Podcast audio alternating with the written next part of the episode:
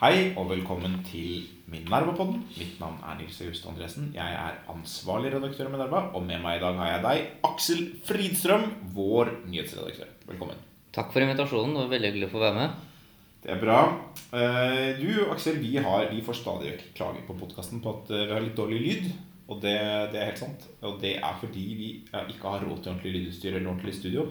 Og hvis du vil hjelpe oss eh, på sikt med å løse det problemet, så kan du tegne abonnement på Minerva. Eller du kan gi en liten donasjon på VIPS til Medius Minerva. Kan du skrive podkast hvis du vil. Men hvis du ikke vil, så går det bra. Så kanskje vi får råd til bedre utstyr etter hvert. Du, Vi skal snakke om tre temaer i dag, Aksel. Vi skal snakke om pandemien. Som jeg i denne uken har foreslått at vi kanskje skal avslutte. Det kan jo være på tide. Den holdt på en god stund. Ja, det blir spennende. Vi skal snakke om oljepolitikk. Ja, der har det skjedd veldig mye. Det har blitt endringer i petroleumsskatten. Og eh, man har jo også fått til en ny rapport som, fra Rystad som eh, snakker om klimaeffektene av å trappe ned eller skru av sokkel. Det har vi fått. Eh, og så til slutt så skal vi snakke om en artikkel du har skrevet om hvorvidt de borgerlige kan vinne valget. Og du kommer med en, en konklusjon som er ganske kontroversiell og overraskende. Og som ingen hittil egentlig har fremmet, bortsett fra kanskje Erna Solberg. Og det er at eh, selv om det er veldig usannsynlig, så er det mulig at de borgerlige kan vinne valget. Ja, og hvis du er interessert til å høre den analysen, så er du først nødt til å høre på det vi har å si om olje og pandemi. Helt riktig. For det er det første pro- programmet. Det er det. Ja. Ja, så er det bare å smøre seg folk tålmodighet for de som er interessert med hvordan det går med valget. Eh, hvis du ikke er interessert i pandemi, så kan du kanskje smøre deg en brødskive eller Men, men, men, men folk bør være interessert i pandemi. For jeg har skrevet en artikkel om pandemien denne, denne uken. Aksel. Og hva er det som står i den? Nei, der står det at uh, krigen er uh, slutt, og at vi vant. Uh, og da er det dumt å fortsette å utkjempe krigen. Og det, det jeg mener med det, er at vi to vi, vi har lenge hatt to strategiske mål i pandemihåndteringen. Og det er for det første det som komme helt, helt først, det var å forhindre kollaps i helsevesenet. Eh, For denne pandemien ville ført til en kollaps i helsevesenet hvis man ikke hadde hatt tiltak. Den sprer seg så raskt og har så høy hospitaliseringsgrad at sykehusene ble helt overveldet, og, og, og det kunne ført til en ganske stor samfunnskrise. Så det var liksom det første målet. Og så, da vi skjønte at uh, her kommer det noen vaksiner, så fikk vi et strategisk mål til. Og det var å, å holde epidemien på et lavt nivå i Norge frem til vi hadde immunisert en stor del av befolkningen, eh, helt eller delvis, gjennom vaksiner. Men disse strategiske målene, er det, liksom, er det dine strategiske mål, eller hvem sine strategiske mål er det det, egentlig er? Eh, Dette har nok vært regjeringens strategiske mål, men, men eh, de kunne sikkert vært eh, kommunisert tydeligere og bedre av og til underveis. Men, men dette, dette ligger jo i, i mange av de rapportene og begrunnelsene som har kommet, av og til eksplisitt og av og til implisitt. Så dette har på en måte vært de to helt, helt sentrale målene. Og det er derfor man har snakket, det er derfor vi sier at vaksinasjon er veien ut av denne pandemien. Når eh, nok mennesker er vaksinert, så, så har vi nådd dette målet om å holde epidemien lavt. Greit, greit nok, men kan du ikke da bare si hvorfor du mener at disse målene nå liksom fullt ut er, er, er innfridd? Ja, altså det, det jeg mener er at eh, frykten for kollaps i helsevesenet er nå eh, lav. Det, det, det ligger ulike modeller fra FHI, og man kan diskutere hva som er hva betyr det, hva betyr at helsevesenet er eh, overveldet. Det kan fortsatt bli ganske mange innlagte. Men eh, det, er ikke sånn at det egentlig hjemler noen tiltak i dag. Det, vil ligge noen måneder frem i tid. Vi vil i så fall ha tid til å respondere om det skulle skje. Men det som er helt klart, er at vi har vaksinert eh, alle sårbare grupper. Eh, og det er jo det som bidrar til å hindre risikoen for denne kollapsen. Så dermed så har det ikke lenger noen veldig stor hensikt å holde epidemien på et lavt nivå. For hensikten med det var jo å, hindre et stort antall døde og syke før, vi, før man fikk folk vaksinert. De som det gjenstår nå å vaksinere, det er masse mennesker som kan bli smittet, men de har veldig lav sjanse for, eh, for, for alvorlig sykdom, eh, hospitalisering og død. Så når vi ser på disse modellene frem i tid som sier og det kan bli mange innlagte, så er det lett å tenke Jeg tror mange, mange også tenker å da er det liksom alle disse eh, 16- og 17-åringene eller barna mellom 12 og og 15 eller enda yngre barn. Men det er det jo ikke. Altså I stor grad når vi ser på, Hvis vi ser på modellene fremover som sier her kan det bli mange innlagte, så er jo det snakk om eldre. Eh, både de nokså få, eller veldig få uvaksinerte, egentlig, men men det er, fortsatt noen, og de kommer til å, av dem så er det en del som kommer til å havne på sykehus. Eh, og en god del vaksinerte eldre. Fordi vaksinen er ikke 100 effektiv. Noen vil bli smittet, og noen vil havne på sykehus, og noen, noen vil dø. Men når jeg sier at krigen er ferdig, er det fordi det, det strategiske målet vi satte oss, det har vi nå nådd. Og vi har ikke lenger noen egentlig tiltak for å hindre akkurat det som jeg sa nå. Altså at noen, at noen eldre på et punkt vil bli smittet, og at noen vil havne på sykehus. Det, det, har vi ikke noen måte å hindre på. Vi har gjort det vi kan for å hindre det som er vaksinasjon. Men det er, det er jo mulig å hindre hvis du bare har eh, lange smitteverntiltak ja, ja, ja, ja. all overskuelig fremtid. Så det er jo ikke umulig, det er jo ikke umulig å, å, hindre. Det er bare kanskje at kostnaden ved det er altså, men, men, da er vi over en helt annen type altså det, det, vi er, vi er, Da er vi over en helt annen type situasjon hvor vi er evige tiltak. Eller hvor liksom vi alltid venter på en ny dose vaksinasjon eller en ny oppdatert vaksine. Og det alltid kommer en ny mutasjon som gjør at du må få en ny, ny type vaksine. Poenget er at vi har nådd det som vi, det strategiske målet var å gi en grad av immunitet Eh, til eh, så mange som mulig av de sårbare. Og det målet har vi nådd.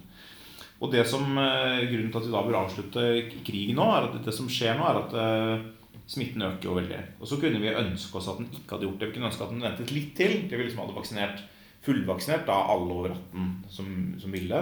Og kanskje til og med liksom, vaksinert uh, dem mellom 12 og 18. Eventuelt med én dose, som er det, det FHI foreslår nå. Vi kunne ønske oss at smitten holdt seg lavt liksom, fem uker til. Kunne ikke bare gjort det. Øh, og når den ikke gjør det, så er det veldig fristende å si liksom, ok, la oss vente med gjenåpningen. Eller mange vil også si la oss, la oss stramme inn, la oss innføre gult nivå. Uh, la oss uh, intensivere TISK osv. Men uh, mitt poeng er liksom litt at når vi nå fortsetter å føre krigen etter at disse målene nå Ganske nylig, kan du si, da, med den vaksinasjonsdriven som har vært gjennom sommeren. Etter at disse målene er nådd, så Eh, så er det veldig vanskelig å fortsette å føre krigen. Fordi eh, når alle er vaksinert, så, er det vanskelig å få folk til å ha ordentlig smittevernsdisiplin. Eh, og skulle man liksom prøvd å, å, begrense smitten vesentlig, så måtte man ha veldig strenge tiltak som har veldig store negative konsekvenser, og som vi ikke, ikke ønsker oss. For Du skriver jo dette, du brukte et begrep her, TISK. Ja. Det er ikke sikkert alle lytterne vet det. Men testing, isolering, sporing, karantene. Og litt av poenget i din artikkel er vel at dette systemet er i, i ferd med å kollapse. Altså du kan, du kan, selvfølgelig, du ansetter jo noen smittesporere, og de kan jo bare gjøre så og så mye i løpet av uh, sin kontortid. Og hvis det er mange tusen smittetilfeller, så er det selvfølgelig ganske vanskelig å finne ja, av alle deres uh, nærkontakter. Det er et veldig, det er et veldig godt poeng. Altså det, er nettopp det at måte, TISK har vært et av våre krigførende virkemidler. Men man husker at kostnaden med TISK er veldig høy. Det betyr at folk sitter i isolering og karantene. og det er også et stort antall mennesker som jobber på spreng med smittesporing. Og Det er, det er jo en av grunnene til at det har vært viktig å holde smitten lavt. Så når vi, selv når vi har hatt 500 smittet om dagen, så har det vært ganske intenst å jobbe med, med TISK ute i kommunene. Og når du nå får det til 1500, og det kommer til å stige videre, vi kommer til å se 2000 og vi kommer til å se 3000 eh, og det å fortsette med TISK da betyr jo både at det, det, selve sporings, eh, dette sporingsarbeidet blir helt overveldet, og at eh, veldig mange mennesker må sitte i karantene og isolasjon. Og det er ikke noe fornuftig. Altså Kostnadene føre krigen blir, er både like høy som den var, blir høyere enn den var fordi det er så mange smittede. Mens gevinsten begynner å bli veldig liten. Så, så mitt forslag var liksom, la oss, si, la oss avslutte dette. Etter at jeg, skrev, så jeg skrev det like før regjeringen kalte inn til ny pressekonferanse uh, i går. Og da pleier det å være sånn når jeg har foreslått et eller annet, så pleier regjeringen å gjøre det stikk motsatte. Det er, liksom, den vanlige, liksom, vanlige relasjonen mellom Minerva og regjeringen. Men men denne gangen så gjorde de noe litt interessant. Det er, litt, det er jo litt sånn dobbelt, litt uklar kanskje dobbeltkommunikasjon fra regjeringen, hvor de på den ene side sa vi venter med trinn fire, eller vi avlyser trinn fire i gjenåpningen. Og går rett til gjenåpning når vi gjør det, men vi, vi gjør det ikke nå. Men de, de gjentok liksom ønsket om at smitten skulle være lav, men samtidig så innførte de i realiteten noen lettelser på, på TISK. Eh, på hvem som skal sitte i karantene, og på hvordan smittearbeidet skal prioriteres eh, og sånn. Så det blir litt, det blir litt mindre tisk. Så sa også Bent Høie vi kunne fjernet alle tiltak nå, sa han. Eh, til VG i går. Eller eh, sto VG. Ja, Som er det du mener? Som er det jeg mener. Men altså, men vi, vi venter litt til. Liksom for sikkerhets skyld. Uh, og da, da, får vi se hvordan det går, da, om denne lettelsen i TISK måte gjør det mulig. Men så, så er jo Nakstad ute og sier sånn ja, nå må kommunene bruke gult nivå der hvor det er nødvendig, eller rødt nivå der det er nødvendig på skolene, for det er jo på skolene smittespredningen skjer. Men der deler jeg veldig analysen til Anders Danielsen Lie, som var på Dagsnytt 18, som er assisterende bydelsoverlege i Nordre Aker i Oslo. Som, som har vært bekymret for hvordan dette TISK-systemet fungerer, og som påpekte at det å ha gult nivå på skolene, det er ikke noe veldig godt tiltak i dag. Fordi resten av samfunnet er jo åpent. Så man har liksom en del smitteverntiltak mens barna er på skolen. Og så etterpå drar de på fest og kliner eller one night stand, som, som Bent Høie snakket om, eller hva som helst. Så. Men, men ok, så ditt poeng er liksom vi fjerner eh, alle tiltak for at risikoen liksom for overbelastning i helsevesenet er, som du sier, da, lav. Og jeg som har lest denne som jeg for seg er enig i det overordnede, men jeg, jeg er ikke så overbevist eh, som det kanskje du er om at eh, risikoen for at dette hellige helsevesenet eh, blir overbelastet, nødvendigvis er, er så lav. Da. Altså det mener at det er ganske plausibelt. Hvis vaksinen ikke hindrer videre smitte noe særlig effektivt, og du har en del uvaksinerte, og du har en del gjennombruddsinfeksjoner etc., mm. så er det ikke kanskje litt tidlig kanskje å erklære liksom krigen for over, da. Altså... Ja, men dette går igjen på det strategiske bildet. Vi har gitt den immuniteten som vi rimeligvis kan gi uten å måtte forlenge tiltak i veldig, veldig, veldig lang tid. Eh, og så er det et, et, spørsmål som vi ikke fullt ut vet svaret på ennå. Det er eh, akkurat hvordan vil denne vaksineeffektiviteten se ut eh, om et par måneder, når kanskje denne bølgen begynner å nå, nå toppen. Ehm, vi, er, vi, er, vi, er veldig heldige i Norge. Vi har veldig få uvaksinerte i de eldste aldersgruppene. Eh, spesielt den mellom 75 og 84 år gammel, eh, gamle. Der er det 1,8% eller noe sånt som ikke er fullvaksinert. Så det er veldig veldig lavt. Litt flere blant de aller eldste, fordi noen av dem er for syke til å vaksineres. Så, så, men Det vil bli noen innleggelser der, men poenget er at vi har ikke noe ordentlig tiltak for å utsette det. Så det kan godt hende at vi, det kan hende at vi på et eller annet punkt må ha tiltak for å hindre at det blir for mange i helsevesenet. Jeg utelukker ikke at det kan skje. Men hvis situasjonen blir sånn, så er det fornuftig å, å iverksette tiltak når vi ser at det eventuelt kommer til å skje. La, la oss si Nå Ville ikke det vært bedre å si at slaget er vunnet, og ikke hele krigen? Eller? Ja, det kan, det kan man diskutere. Men mener, det, er, det er veldig god sjanse for at krigen er vunnet. Jeg mener at det er, mener at det er stor sannsynlighet for at vi ikke kommer til å trenge sånne tiltak. Eh, men hvis vi skulle komme til å trenge det, så er det fornuftig å innføre det når, når vi ser at det er nødvendig. Og ikke ha masse tiltak i tillegg. Altså at det er 15 eller 20 sjanse for at noe sånt kommer til å skje. Og da må vi ha masse tiltak mye lenger fordi vi utsetter denne bølgen. Og så kommer det jo på et tidspunkt likevel. Og så må vi innføre disse tiltakene. Så, så er, hele begrunnelsen for pandemien, holde pandemien lavt, epidemien lavt, det var jo å få tid til å vaksinere disse gruppene. Nå er de vaksinert. Så, så, hvis vi nå holder det lavt lenger, så, så, oppnår vi egentlig veldig veldig lite. Vi bare skyver det ut i tid. Og Det er det som er den store strategiske forskjellen på situasjonen nå og det det har vært før. Og det, det er den mentale omstillingen som jeg tror er ganske vanskelig for mange. At både målene om hvor lav belastningen både i form av smitte, men også i form av belastningen i helsevesenet, hvor lav den skal være, den strategiske betydningen av det er nå endret. Jeg vil jo si, når jeg, jeg følger med på den, den, offentlige samtalen om dette og, og altså, Jeg er jo for seg enig i disse strategiske målene, men jeg, når jeg ser dette liksom diskutert rundt omkring, så er det ikke alle som liksom legger disse strategiske målene til grunn for pandemihåndtering. Det er mange som ønsker seg veldig strengt smittevernregime fordi de er redde for viruset liksom permanent, og som, liksom, som alltid vil ha det. Så det er jo det er noen nyanser. Men en ting som jeg tenkte det kan være greit å ta opp, er dette med kapasitet i helsevesenet. For dette er jo en, en, det er både en praktisk eh, aspekt av det. Altså, hvor stor kapasitet er det egentlig i helsevesenet? Mm. Og der er det jo litt ulike synspunkter. Det er jo noen leger allerede som er ute og advarer med at snart er kapasiteten allerede liksom sprengt, og dette går til helvete.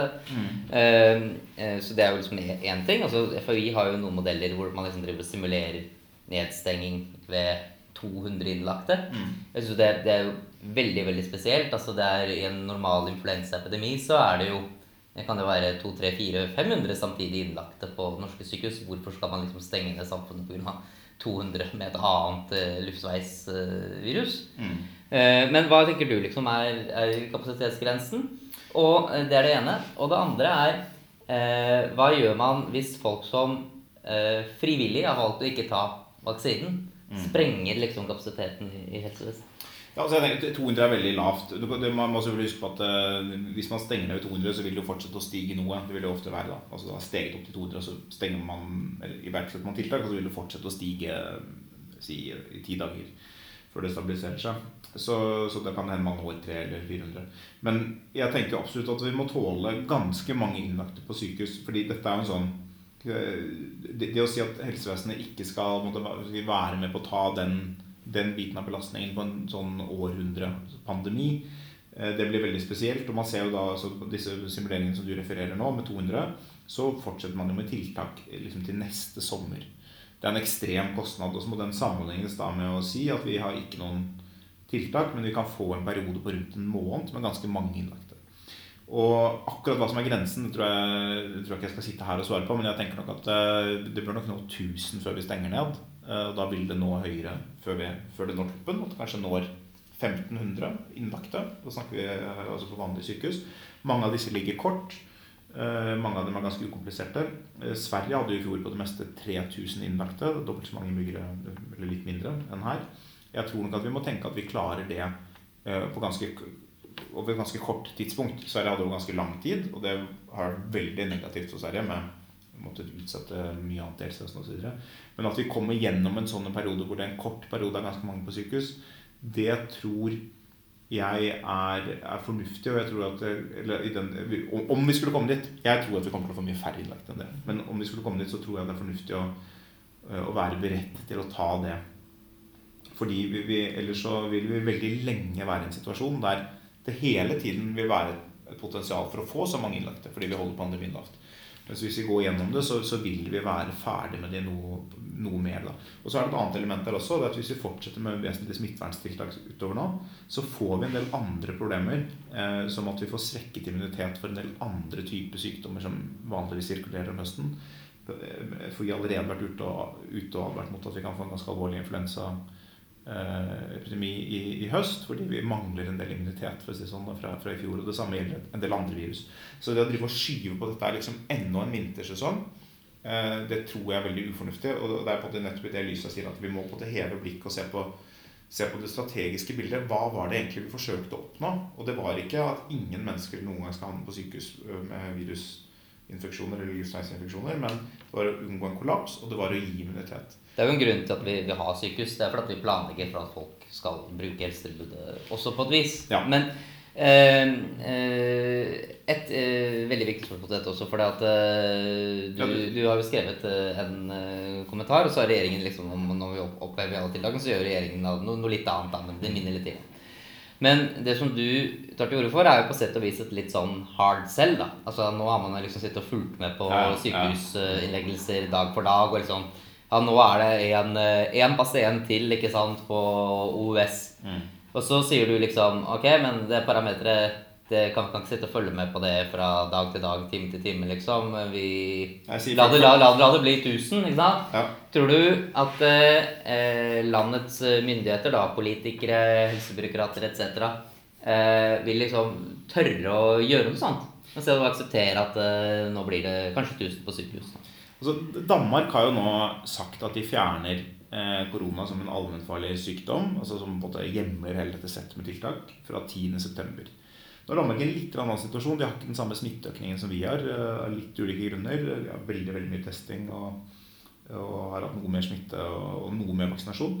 Eh, men jeg tror nok at vi, vi, kommer til et punkt nå med ytterligere vaksinasjon og sånn, hvor smitteøkningen vil være noe lavere. Men jeg tror det er en hard sell Eh, men jeg skulle gjerne sett at eh, regjeringen gjorde det. Dette kommer vi litt tilbake når vi skal spørre om de borgerlige kan vinne. Men spesielt hvis vi tenker at dette er en utgående regjering, så tror jeg det er veldig klokt å gjøre dette nå. Fordi, eller i hvert fall før valget. Fordi eh, det er vanskelig for regjeringen å ta en veldig stor strategisk beslutning hvis den er en avgående, avtroppende regjering etter valget. Og Eh, da overlater man på situasjonen til en påtroppende regjering. Nå har jo Støre vært ute nå i dag og liksom sagt at han er bekymret for at det er økt smitte, og at regjeringen ikke har vært nok oppmerksom på økt smitte. Og sånn. Og plutselig så er man ute i oktober, og så driver man fortsatt og strammer inn og holder på med rødt nivå og gult nivå. og så kommer man seg liksom ikke ordentlig ut av det. Så jeg tror, jeg tror man på en måte kunne gjøre alle en tjeneste ved å gjøre det. Og Det er en hard sell, og det tror jeg er vanskelig for byråkratene er vanskelig for politikerne. Men hvis de gjorde det, så ville det skje. Det er ikke en sånn type ting som dette klarer vi ikke å få gjort. dette klarer vi ikke å få gjennom. Altså Hvis regjeringen sier eh, nå avvikler vi TISK, eh, eller nå nedskalerer vi TISK vesentlig, og slipper opp eksisterende tiltak som er hjemlet etter beredskapslovene, så er pandemien slutt.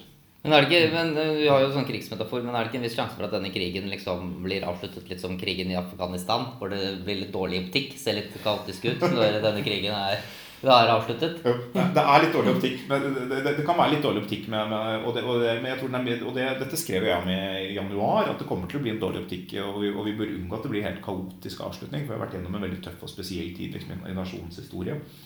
Eh, så jeg er ikke for en sånn kaos-type ting. Men det er mer sånn å forholde seg til realiteten på bakken. Nå er denne smitteøkningen her, og hva gjør vi da? For da vi blir stilt overfor et valg. Skal vi forsøke å slå den ned, eller skal vi ikke? Og hvis vi ikke forsøker å slå den ned, så, så vil det å fortsette å krige ha en del omkostninger. Og for, for, å lage en annen hypotetisk Afghanistan-sammenligning Hvis vi hadde lykkes i Afghanistan med å etablere en demokratisk regjering men så viste det seg at den demokratiske regjeringen var en arbeiderpartiregjering som ville ha høy formuesskatt. Så ville det vært uhensiktsmessig å fortsette å bombe Afghanistan inntil liksom, vi hadde fjernet formuesskatten. Da måtte vi si vet du hva, nå, nå klarte vi de strategiske målene. Det er dumt med formuesskatten, men, men, vi, vi avslutter bombingen. Og det er litt der vi er nå. Altså, vi har, Hva hvis de har bompenger, da? ja, det blir noe annet. Nei, men vi har, nådd, vi har nådd de strategiske målene, uh, og, og, det er det sentrale. Og så betyr, det selvfølgelig altså, Når er en krig ferdig, kan den komme tilbake. Alle kriger kan komme tilbake. Alle virus kan mutere, og det kan komme nye faser. Eller nye, nye situasjoner der, der vi, som vi må respondere på. Men i sin nåværende form så er de strategiske målene nådd. Og det er viktig å finne, finne, en måte å komme ut av det på. Og for meg, Det, det avgjørende er jo ikke liksom at vi avvikler i dag snarere om en eller to uker. Men det avgjørende er at vi får en situasjon der ikke TISK påfører oss eh, veldig, store for, veldig store kostnader ved å fortsette denne kampen mot viruset. Skal vi hoppe videre på neste tema? Det kan vi gjøre, Aksel. Eh, vi skal snakke litt om olje. Ja. Og uh, hvor vil du begynne? Skal vi kanskje begynne med denne rapporten til uh, Rystad Energy? Den lenge bebudede uh, rapporten? Nei, det syns jeg ikke. Nei? Nei jeg syns vi skal begynne med å si at Minerva har fått en ny spaltist. Som ja. heter Øystein Sjøli. Han skriver masse om klima og, og energi. Er økonom og finansanalytiker. Og han har skrevet om, litt om olje i dag, og hvordan, hvor han beskriver hos oss en artikkel som ligger, ligger ute akkurat nå. Og Hva handler den om? Nei, Den handler om å se på dette med å, å lete. Eh, fortsatt oljeleting. Er det dumt, eller er det ikke dumt? Hvor han ser på det, det lyset som, det, som ofte motstanderne av leting setter i, hvor de, hvor de sier at det, det, å fortsette å lete etter olje, eller fortsette å utvinne, utvinne olje, satse på investeringer før, det er å vedde mot eh, klimamålene. Det er, det er retorikken som brukes. Det er, det er måte, fordi de sier at hvis klimamålene skal nås, så må verden etterspørre nesten ingen olje i 2050. Og hvis vi da på en måte, hvis vi investerer i at vi skal ha oljeproduksjon i 2050, så sier vi liksom eh, Ja, vi tror ikke noe på de klimamålene. Men, men, er ikke det litt poenget når jeg leser artikkelen til Øystein? Er ikke det litt hans poeng? Det er det kanskje å være lurt å vedde mot sine egne mål? Fordi at det er eh, en forsikring? Er det ikke det han skriver? Jo, det er nettopp det han gjør. Og det, det er jo litt vi kan, Man kan jo tenke noen hobbytippere, sånn som meg. Vi, vi vedder jo gjerne mot at Liverpool skal vinne. fordi da, hvis de vinner, så er det bra. Og hvis de taper, så får vi noe penger. Ja. Så, sånn er det litt med klimamål også. Altså, men, men, eh, hans poeng er Så du koser deg også mye på norske landskamper? Ja. Nei, men, men, hans poeng er jo at uh, det, er, det, er, to separate spørsmål om Norge leter, og om klimamålene nås. Og da kommer vi litt tilbake til Rystad-rapporten, så vi må, må, innom den etterpå. Men uh, det, det gir ikke noe mye, mye, mening å si at uh, det, er dumt, å, det er dumt å investere i olje fordi vi, det tyder på at vi ikke tror på at klimamålene nås. Jo, vi må analysere det spørsmålet. Tror vi at klimamålene nås? Eller tror vi at de nås i den formen man der forutsetter? Så spørsmålet er jo vil det finnes etterspørsel etter olje i 2050, eller vil det ikke finnes? Og hvis det fins, eh, så er det dumt om all den oljen eh, kommer fra Saudi-Arabia og Russland. Eh, og det er jo et annet aspekt også. at Hvis vi, hvis vi ikke lykkes med den overgangen, så vil det jo om, om det skulle være en stor etterspørsel, men oljen ikke skulle være der, så ville det kunne være et veldig veldig vesentlig velferdstap. Ikke først og fremst for Norge, men for de landene som trenger energi i Afrika eller Asia. eller eh, andre For Det er jo litt av Øysteins eh, gamle mantra når jeg snakket med han liksom bilateralt. at han sier at kan Norge liksom klare seg uten olje? Og Ja, åpenbart kan de på sett og vis det. Altså, det er mange land som, ikke, som ikke produserer olje. Så det, det er fullt ut mulig å være et land uten å ha en, en oljeproduksjon. men det som er hans poeng, er at det er veldig mange som ikke klarer seg uten å forbruke olje. Ja. Og på et eller annet vis så må den oljen da altså komme fra et oljeproduserende land. Ja, ja, det er nettopp det. Altså, så, så, innen vi har erstattet oljen med annen, annen energi, så, så, er olje en, en, bro til den fremtiden. Og, og, og, og spesielt gass, kan man si, da, som er en veldig viktig bro til, til en sånn fremtid. Og det er jo, dette var jo sånn man snakket om dette i Norge for, for 10-15 år siden, så var det den alminnelige måten å snakke om det på. Men nå har på disse kravene om oljestopp blitt mye tydeligere. Og det, det, det er en logikk i, i, det. Altså det er en logikk i at uh, på et eller annet punkt så, uh, så må summen av oljeproduksjonen i verden uh, være lavere enn den er i dag. Men spørsmålet er både én, hvordan man kommer dit, og to, hvordan man håndterer spørsmålet om hvorvidt man vil lykkes med målet eller ikke. Ja, Det er et spørsmål også om tiltaket skal skje på etterspørselssiden. Altså Skal vi få folk til å forbruke mindre olje? Eller skal du se på tilbudssiden ved at vi tar bort tilbudet av olje? Eventuelt en kombinasjon av, av begge to. Nei, nettopp det. Eh, men det er jo klart at hvis det skjer tiltak noe på etterspørselssiden, så mye, så vil jo de minst lønnsomme oljefeltene automatisk ta, ta ut av produksjonen normal Altså redusert etterspørsel etter energi og økt tilbud av ren energi vil gi lavere etterspørsel etter olje og, og mindre oljeproduksjon. Og det, det skriver jo Øystein også. at Den beste situasjonen det er en situasjon der etterspørselen etter olje er så lav at norsk produksjon fases ut. Og hvis vi da har lett etter olje, så vil vi sitte med et lite tap i form av at vi har investert i noe, noe felt hvor vi ikke får pengene fullt tilbake. Liksom. Men det er et ganske lite tap. Men hvis vi gir avkall på all den produksjonen eh, som uh, før det er klart at det blir sånn, så er det et stort økonomisk tap. Og som du, du og det er et veldig stort tap ute i verden også. Så det er liksom poenget. Men, men noe av dette henger litt sammen med, med Ryste-rapporten. Kanskje du kan si litt om den? Ja, eh, det er jo Det var jo Eh, det kan si nesten tiden fra den rapporten kom til den ble utskjelt. Det er en av de, de korteste tidsenhetene i universet. Men jeg syns jo den rapporten er egentlig ganske interessant. Altså fordi at den eh, tar, tar, opp en del ting som ikke er så godt belyst i, i norsk offentlighet. Eller det er belyst, men det er underbelyst. Eh, som er altså, hvordan norsk petroleumsproduksjon henger sammen med resten av verden, og i hvilken grad du liksom da kan eh, skru den av og oppnå en eller annen klimagevinst, hvor da Rystad sier nei. Fordi at det fører til Du kan ikke ta ut oljeproduksjonen uten å ta ut gassproduksjonen, men gassproduksjonen bidrar til å redusere klimagassutslippene fordi at denne gassen er renere enn de substituttene som da vil komme inn og erstatte gass. Eh, og det er jo da en analyse som er litt annerledes enn det som ligger i SSB sine eh, publiserte klipp. Men det er mye mindre annerledes enn det det ofte fremstilles som. Veldig mye mindre annerledes. Det var interessant. Eh, så var vel Lanner i Berg som var ute og sa at dette var kjøpt og betalt. Og det, det var det jo selvfølgelig. Det, var jo kjøpt det foreligger jo en faktura, så det kan man jo ikke Det, det kan man ikke bestride. Men, men eh, det, er, det, er, mange interessante ting her. Og en av dem går på hvordan offentligheten og, og mediene forholder seg til ulike typer forskning. Hvor man, hvordan man er veldig ukritiske til noen typer studier og veldig kritisk til andre typer. Og, så finnes det grunner for det, men, men det synes jeg vi kan snakke litt om etterpå. Men først for å ta rapporten, det, det, det du sa om at den ser på denne sammenhengen mellom olje og gass. Ja. Og det er det som er kanskje forskjellen fra SSB-rapporten. det er at SSB ser ikke på det spørsmålet, fordi deres spørsmål er ikke om man skal fortsette å lete etter olje, men det er om man skal fase ut oljeutvinning fra eksisterende felt. Og det er veldig lite belyst, fordi man har på en måte brukt denne SSB-rapporten som et slags argument for at vi bør slutte å lete etter olje, og for at vi bør ha en sluttdato.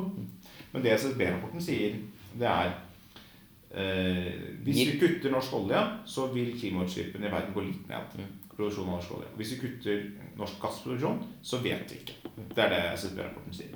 Og så sier den da eh, i hvert fall den rapporten fra 2013 som innledet denne forskningen, eh, den sier at eh, hvis vi har et, premiss om at vi skal gjøre nasjonale utslippskutt, så vil eh, kutt av olje være eh, av de minst lønnsomme oljefeltene på sokkelen være effektiv klimapolitikk. Ja, Sammenlignet med de aller aller dyreste klimatiltakene som ligger i tiltaksporteføljen ja. for klimakutt. da. Riktig. Så egentlig et veldig lite effektivt eh, klimakutt, men, ja, altså fordi, men, sammenlignet med de andre minst effektive klimakuttene, så kan de gi mening. Ja, altså Gitt ja. de målene vi har for innenlandskutt, så er det med i den mest effektive porteføljen da, for å komme dit. Hvis det skal være innenlands. Hvis det er utenlands, så er det ikke det.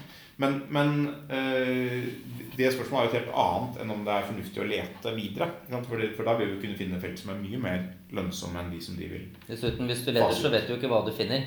Det er ikke sånn enten du kan finne olje, du kan finne gass. Det, ja, det er nettopp det. Så, så, det er et annet poeng. at de, de, Hvis du skal på leting, så, så, kan du ikke skille olje og gass. Det kan du bare gjøre på eksisterende felt.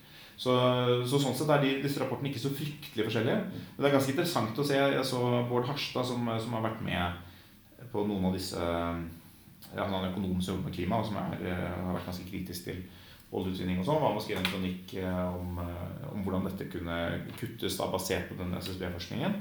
Uten å liksom stille seg helt på, på MDGs linje, men, men liksom tydelig sånn råd mot mm. oljepolitikerne. Da, for å si sånn. Og han var ute med en kritikk av denne Rystad-rapporten. eller Det var ikke en, var en eh, knallhard kritikk, men det var en del innvendinger som i og for seg var rimelige. Og de var av typen sånn og ikke et statisk syn på, på, på tilbudssiden og etterspørselssiden. Dette er det som skjer hvis man kutter eh, nå, men kanskje det gjør at det blir mer teknologiutvikling som gjør at det kommer masse grønn teknologi. Og så sa han at de forutsetter at hvis man halverer produksjonen, så vil, eh, vil etterspørselen bare gå ned med 10 eh, Men eh, det, hvis det er 20 så blir det litt andre konklusjoner. Og den type, og så, ja, det finnes ikke ordentlig gode studier som belyser akkurat hvor stor den effekten er på, på lang sikt osv. Og, og den type ting er jo, er jo, sanne, men de er jo akkurat ikke sanne overfor SSB-rapporten. Så det er litt sånn interessant at det, det, det, får man ganske ofte at det er, det er liksom litt inntrykk når du får en forskningsrapport som på en måte for, for, forenkler litt, da, gagner høyresida eller et sånt mm. standpunkt som ikke er helt politisk populært i noen kretser, så får du veldig mye sånn den type metodekritikk som er, liksom, som er, sånn, som er en type gyldig kritikk. Dette må man jo diskutere og vurdere om det liksom er kan man, kan man klare å få enda bedre svar. Eh, men som aldri fremmes når man, når man liker konklusjonen. Men det som jeg syns er veldig, veldig interessant med dette, er at det, uh, hvis du ser på det Rystad sier, så sier det at hvis du uh, skrur ned oljeproduksjonen litt, så får du en eller annen klimagevinst. Så er man litt uenig i SSB og Rystad hvor, hvor mye den kan kvantifiseres til å være, men de er alle enige om at det fins. Det er enig om retningen. Men så sier Rystad ok, men hvis du skrur av gass, så er det kontraproduktivt. Fordi at det vil føre til større utslippsøkninger enn den gevinsten du har på å skru av oljeproduksjonen. Mm. Eh, mens SSB ikke ser på dette gassaspektet i det hele tatt. Og følgelig, eller i hvert fall de modellerer det ikke på samme måte. Og følgelig så er disse, disse rapportene egentlig ikke, ikke, altså det er det som liksom er eh, at de, de fremstiller som sånne helt sånn diametrale motpoler, mm. mens de egentlig er eh, mye, mye likere. Altså, de er nesten eh, og, men den ene har liksom bare en ordlyd og en avsender som noen kanskje liker bedre enn den andre, og derfor liksom får man liksom denne altså, det, er nesten enige. SSB sier vi, vi, vi, vet ikke på gass, ja. uh, mens Rystad sier gass er, er, å kutte gass er negativt fordi du får mer kull.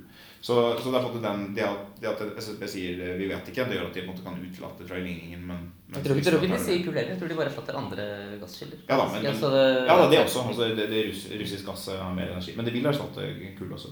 Så, men, men, eh, det jeg syns er litt interessant med, med, dekningen av det, er at eh, altså, NRK hadde en sånn de, Deres liksom, for, for, lead på denne, da denne kom, var, sånn, var type sånn Lan Marie Berg utskjeller omstridt oljerapport fra oljelobbyen eller noe sånt. Og jeg syns ikke det er helt altså det, er sånn, det er jo fair enough. Det må man jo både tåle når du har oppdragsforskning. Så må du tåle at man, at man belyser hvem som har betalt og sånn. Det er jo gjerne sånn at hvis en organisasjon bestiller en forskningsrapport, så, så publiserer de den hvis de liker eh, resultatet, men det, de publiserer den ikke hvis de ikke liker det. Så må, det er greit å belyse det. Det blir en, en metodeproblem i den, den, type studier. Men, men, det som har slått meg litt, er på det hvor, hvor eh, vanskelig det er for journalister å stille seg kritiske til Eh, annen forskning. Det er noe vi har jobbet litt med i pandemien. Aksel, at er, eh, du kan ha ganske små forskningsmiljøer som ofte kan ha en eller annen tydelig slagside. Den kan være faglig, den kan være politisk, den kan være av andre typer.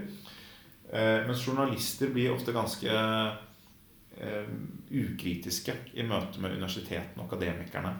Uh, for de er, ikke, de er, veldig vant til å være kritiske mot politikere og i og for seg mot konsulenter som de betrakter som en del av det politiske systemet, som Rysta. Eh, men de, er, de, vet ikke hvordan de skal være kritiske mot forskere. Og jeg synes Det er et vanskelig spørsmål også, fordi jeg mener jo på, på en side, det er på en måte viktig å bevare hva skal jeg si, eh, kunnskapsproduksjonens eh, legitimitet og autoritet. Det er ikke sånn at alle vet like bra. Og, og mange av disse spørsmålene er komplekse, matematisk vanskelige. Og det er ikke sånn at liksom, hvermannsen uh, har noe godt grunnlag for å liksom, betvile SSBs uh, konklusjoner. Men forskningsjournalistikk, eh, og da, når det er relevant, klimajournalistikk og sånn, må kunne gå inn eh, og bedømme faglige uenigheter. Og, og, også i noen grad liksom kunne stille spørsmål ved om, om, eh, om disse forskerne også kan ha sine si, agendaer eller sine bindinger eller sine uh, ideologiske kjepphester, og miljøene kan ha en politisk slagside. Og det, det, er ganske vanskelig å, å få til. Det, men det, det, ble veldig tydelig på, den, på, disse to rapportene, som egentlig er ganske like, og som blir mottatt veldig veldig ulikt i offentligheten. Det var jo en annen veldig artig innledning her også med den russerapporten. Det var at den ikke hadde fagfølgevurdering. Mm. For at fagfølgevurdering er jo noe som bare skjer innenfor akademia. ikke sant? Altså sånn Goldman Sachs eller Royal Bank of Scotland. Hvis de kommer med et estimat om hva skal energiprisene være i om to år, så går jo ikke det til fagfølgevurdering. fordi de har ikke, ikke noen tradisjon for å holde på med det i en, en bank. Og de ønsker jo heller ikke å gjøre funnene sine offentlige, for det er jo verdifull informasjon som de agerer på når de kjøper og selger råvarer eller aksjer eller hva det skulle være for noe. Men det er jo ikke det samme som at de miljøene i finansnæringen eller konsulentskapene er noe mindre kompetente enn de som har en eller annen eh, fag, fagfellevurderingsform for tradisjon. Nei, Eh, så, Nei, da, og det, er, det er flere og flere spørsmål man kan stille til hele fagfellevurderingen. For det er så mange tidsskrifter med så mye, mye tøys og, og sånn. Men, men eh, altså, poenget der er å få en, sånn, en ekstern sjekk som både sjekker ut liksom, at det ikke er noe tøys, at det ikke er noe habilitetsrot. eh, At man, at man måtte komme med lurefunn for å fremme en agenda.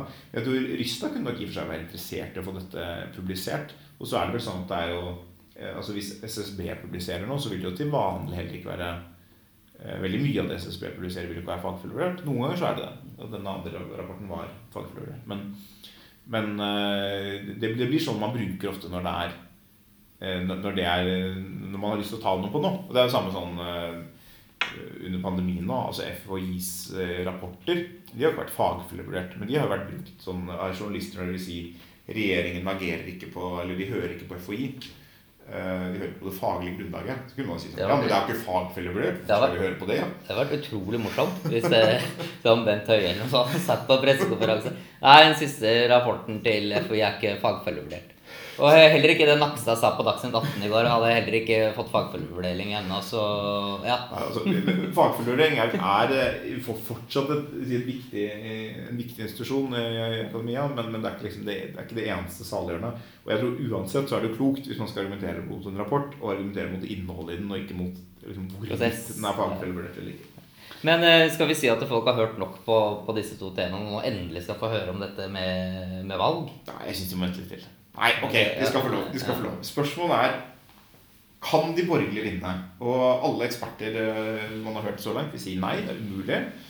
Entusiasmen mangler, leste jeg i, en, eh, i Minerva faktisk for ikke så lenge siden. Og 1 sjanse sto det et eller annet sted. Og, og i det hele tatt. Men Ja, De fleste hva, sånne matematiske modeller viser til en nesten mindre enn 1 sjanse. ja, hva, hva er det du har gjort for noe, Aksel? Jeg, jeg mener nok ikke at det er det mest eh, sannsynlig utfallet at de borgerlige vinner. Men jeg mener heller ikke at eh, sannsynligheten er eh, mindre enn 1% eller null, eller hva, hva folk skal til. Og eh, det jeg nå nylig har gjort, er at jeg har satt opp eh, Sett litt på, på hva er det som skal til. Eh, fordi at eh, det norske valgsystemet er jo preget av en del eh, underfundigheter. Eh, og hvor da eh, sperregrensen er liksom den mest interessante underfundigheten. Og hvor man ved å trikse og mikse litt med hvilke partier som er over og under der, vil gi veldig store utslag i fordelingen av mandater. Det er det ene. Det andre er jo at de borgerlige partiene de har en eh, god del vind i seilene i løpet av valgkampen. Altså De har styrket oppslutningen sin ja, omtrent eh, 4 eller noe sånt på, på målingene i, i snitt.